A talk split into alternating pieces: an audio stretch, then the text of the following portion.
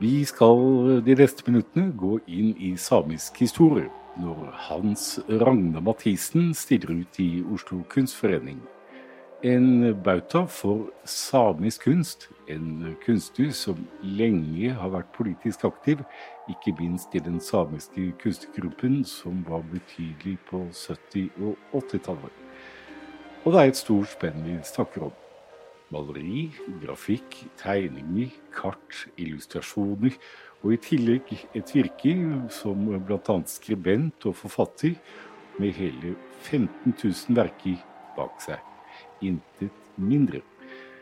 Og det er evnen til å tegne kart. Og da må vi få litt hjelp av en av kuratorene, Kristoffer Dolme. Altså han eh, begynte jo på utdanning på 70-tallet, når det var en økt eh, bevissthet rundt samiske spørsmål. Si, hans gjennombrudd som, som, kunstner ble egentlig å jobbe med kart. Eh, når han gikk på Kunstakademiet i 1975, så lagde han et kart som han kalte for Sápmi. Og det var et unikt kart i den forstand at han tok for seg hele det vi kaller for Nordkalotten, men han tok bort de nasjonale grensene. Så vi ser et område som er Norge, Sverige, Finland og Russland uten de nasjonale grensene. Eh, vi kan si at det Sápmi blir satt i sentrum. Vi ser eh, den nordlige delen av. Eh, og dette kartet ble jo lagd med den tanke at det skulle mangfoldiggjøres. Så plakater ble, ble solgt, altså, og, og, selvfølgelig ble det et populært kart. Så man sier at dette kunne man se i mange ja, samiske hjem, men også andre hjem. Eh, selvfølgelig et kart som en plakat har alle råd til å kjøpe. Men han så på dette med kart og kunst. altså Det var, det var et kunstverk. Det var ikke bare en illustrasjon.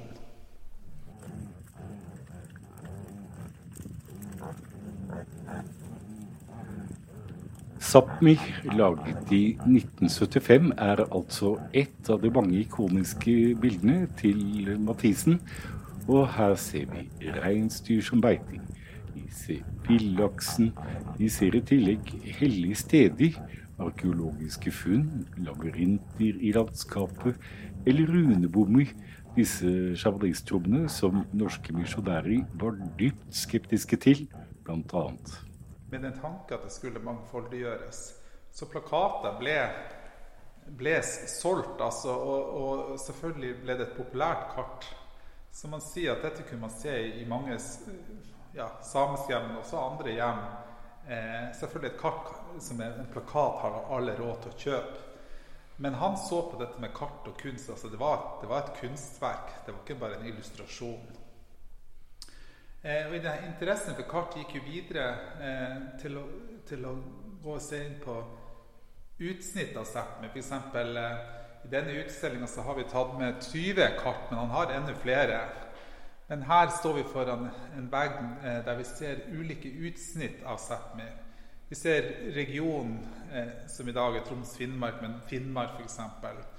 Og da kan man jo zoome inn på en måte og se enda nærmere og få inn mange mange flere stedsnavn. Eh, så han er jo opptatt av å finne tilbake til de stedsnavnene som var på samisk. F.eks. Karasjok heter jo Karasjoka. Og på samisk betyr jo Sjokka betyr en elv. Men når vi sier Karasjok på norsk, altså det betyr jo ingenting på norsk. Så det er den der, hva er stedets betydning ut ifra stedsnavnet, er jo viktig. Eh, og klart, denne fornorskningen var jo et, et mål å, å, ta bort i språket, må man jo si, i og med at man skulle snakke å lære norsk. Og Det knytter seg også til stedsnavn. ikke sant? Du skal bruke det norske navnet. Men i dagligtalen i mange av de områdene her så klart man har holdt på, på de, de, de, samiske stedsnavnene. Eh, og i dag har vi jo skilt på to språk mange steder. Men klart, det var ikke en selvfølge tidligere. Så Kautokeino, eller Gaudogeino som man sier, kan man jo lese tospråklig i dag. Så det er mange ting. Én ting er det her med interessen han hadde for kart og kartografi. Det er jo en lang praksis at kunstnere egentlig illustrerte og jobba med det. det går jo mange, eh, ja, det er en lang tradisjon for det. Men han knytta det også inn til det her med en slags eh, identitet, rettighetskamp. eh, en unik interesse selvfølgelig for språket og, og, og stedsnavnene i seg sjøl, altså historikken rundt de samiske stedsnavnene. Eh, og selvfølgelig her var en kjempejobb. Han kunne ikke gjøre alt dette alene. Han fikk jo hjelp fra andre ja, som har forska innenfor språk, eller som har kjennskap om lokale steder. Eh, så han sitter jo samla på en helt unik kunnskap som han har brukt. Ja. Men hvordan har kartene opp gjennom historien blitt brukt? Og hvordan ramlet eh, de samiske stedsnavnene så å si ut av historien? Vi har fått hjelp av Anders eh, Kvernberg, som jobber ved kartavdelingen ved Universitetsbiblioteket, som også har latt seg fascinere av Hans Ragnar Mathisens Sápmi-verk. Da står vi altså Det er lyd, ja. ja da står vi foran uh, noen av kartene som Hans Ragnar Mathisen har laget. Og et av kartene det jo, uh, har du skrevet om selv, Anders. Uh, kanskje du kan vise og fortelle? Ja, det er Sápmi-kartet som uh, Hans Ragnar Mathisen lagde i 70, 1975. er jo et Hva skal man si, da? Et, et historisk dokument. Det er jo um, Altså si, det, det, som jeg syns er interessant med det på, um, på, Nasjonalbiblioteket, på kartsenteret der som jeg jobber, så har vi jo alle mulige slags forskjellige kart. Vi har sånne gamle 1700-talls håndtegna kart som du på en måte kan kalle kunstverk, med tanke på altså, de estetiske valgene som er gjort, og, og innsatsen som er lagt i det. Og så har vi kart som er liksom bare kart, som er, som er et sett av geografisk informasjon så har vi noen kart som kanskje har vært kart, men som har blitt historiske dokument pga.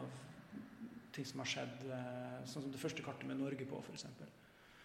Og det som er veldig spennende med kartene til Mathisen, er at de egentlig opererer i alle de rollene samtidig. De er både kunstverk, og de er informasjonstette kart. Og spesielt det første store første store kartet som han lagde, hvis ikke det er helt feil, Sápmi-kartet, har jo blitt et historisk dokument seinere òg. Um, blant annet så har det jo vært med å etablere begrepet Sápmi, stedsnavnet Sápmi, som uh, det, er jo det er jo ikke funnet på, det er jo et gammelt ord, men det var, det, det var ikke brukt på den måten før han tok det i bruk til, uh, til det kartet her. Og i dag er det jo et ord som, som alle forstår og som er en del av, en del av språket. Men hvis vi skal forsøke å beskrive selve kartet altså, ja, Det minner jo om Norge på sett og vis, men eh, hvis vi skal ja, forsøke å skildre litt mer, hva er det vi ser? Ja, sånn eh, kartografisk, geografisk, så er det jo Nordkalotten, som er vel tegna med blyant. Veldig fine fargetoner, syns jeg. Og det, det er et spesielt kart fordi at det har f.eks. ingen landegrenser. Og det har bare samiske stedsnavn. Og det eksisterte jo ikke. Da det kartet her ble lagd i 1975, så fantes det ingen kart med bare samiske stedsnavn. Nesten ikke vanlige kart engang hadde samiske stedsnavn. Fordi eh, altså, Det var lang bakgrunnshistorie her, men da man eh, kartla Finnmark på 1800-tallet, så, så sto det jo i den offisielle instruksen til kartografene at samiske stedsnavn skulle helst ikke brukes. Hvis man kunne unngå det, så skulle man heller bruke norske navn. Fordi? Det var, det var jo sånn det var den gangen. Det var en nedvurdering generelt av det samiske. Det var jo litt praktiske hensyn, for kartene ble jo lagd for et norsktalende publikum. Um, så var det på en annen måte et slags sånn grusomt praktisk hensyn. Man regna jo med at samisk språk eh, ville forsvinne om en generasjon eller to. Det skulle jo på en måte fjernes. Så, så, så pga. den politikken så var det bare ikke interessant. Da. Og da var det um, Da var de samiske stedsnavnene noe som ikke ble skrevet opp, og ikke ble tatt vare på. og var i ferd med å forsvinne. Og mange har helt sikkert forsvunnet. òg. men på 70-tallet så tok eh, han Mathisen tak i det her og begynte å kartlegge og samle inn og identifisere og plassere stedsnavn. Og samle sammen og husker ikke hodet, men det er det minst et par tusen samiske stedsnavn på det kartet her. Og veldig mange av dem hadde til da aldri vært på et kart før.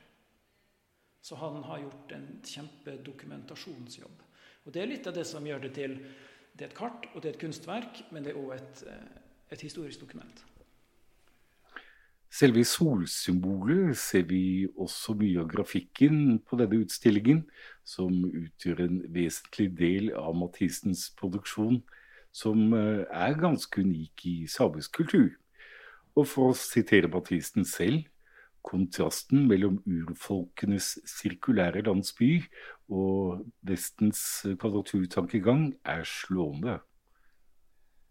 Altså Solsymbolet er jo noe som man er opptatt av. Det er jo også noe som vi ser på mange av disse kartene her. Og det har jo en mening innen samisk tradisjonell tenkning. Men han har jo sett eh, verden nordfra.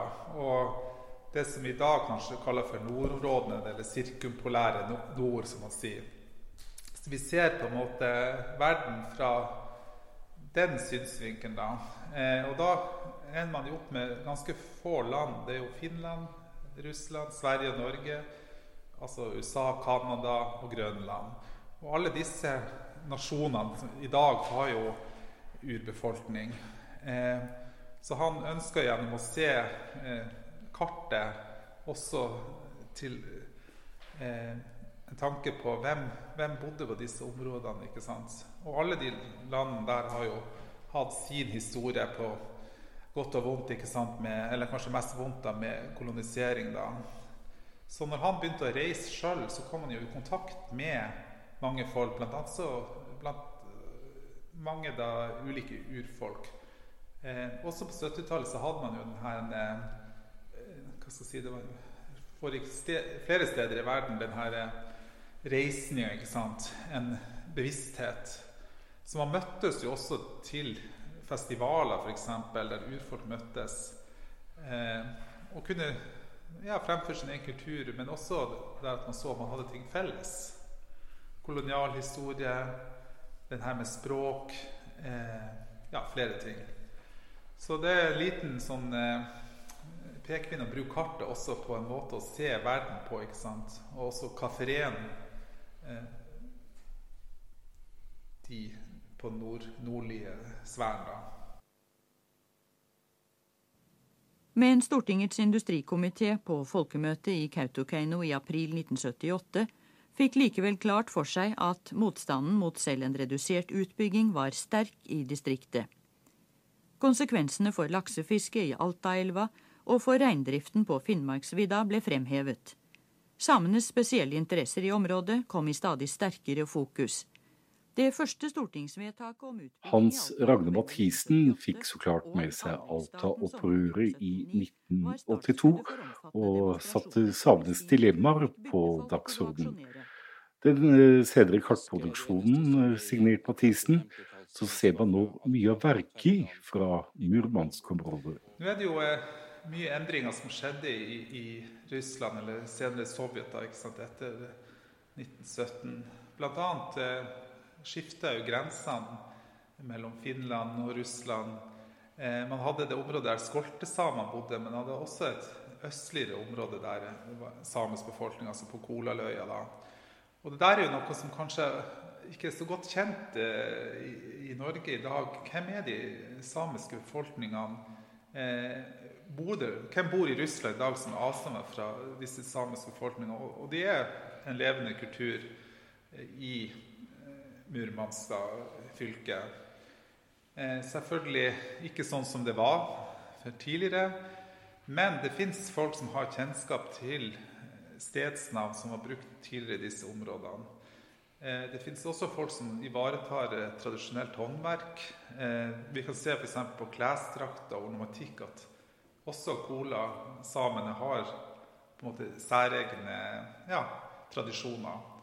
Så de stedsnavnene der har han fått hjelp til fra eh, folk som er kunne innenfor det. Og så har han jobba frem det kartet Så vi ser et utsnitt fra eh, Murmansk fylke, da, og så er det påført de samiske opprinnelige navnene. da. Så klart at den, den, delen av Russland var jo seigt også utvikla. Tenk på Murmansk by ble jo starta først i 1916. Så klart det jo mange hundre år der. ikke sant? Det var uten grenser, og det var naturlig flyt mellom det i dag eh, ganske, veldig kontrollerte området. Så han vil jo at vi skal se tilbake og tenke på den levende, hva skal jeg si, naturlige, eh, grenseløse verden som eksisterte i nord. Og det er jo det egentlig kanskje han vil formidle med, med flere av disse kartene.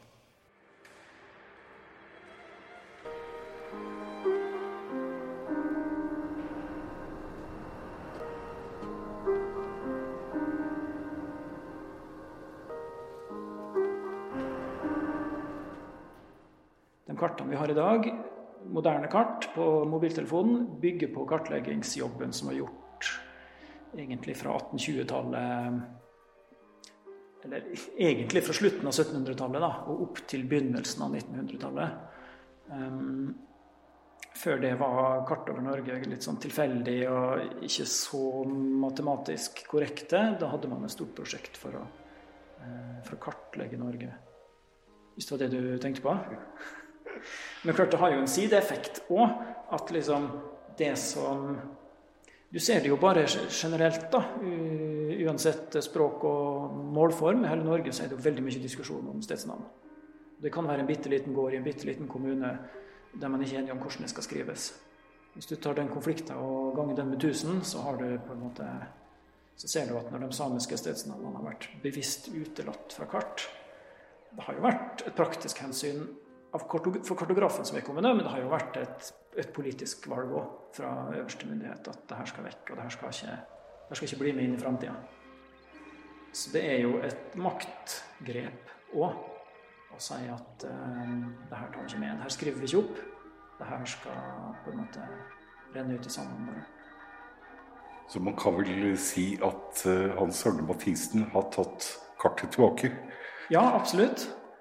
Um, jeg syns det er veldig interessant den måten han har på en måte tatt det, eh, det grepet, da, den maktposisjonen det er å kunne definere et kart og si at det her skal være med, og det her skal ikke være med. Så har han bare tatt den samme rollen og sagt at nei, men da gjør, da gjør jeg det sjøl, og så blir det her med. Det er veldig, eh, veldig sterkt.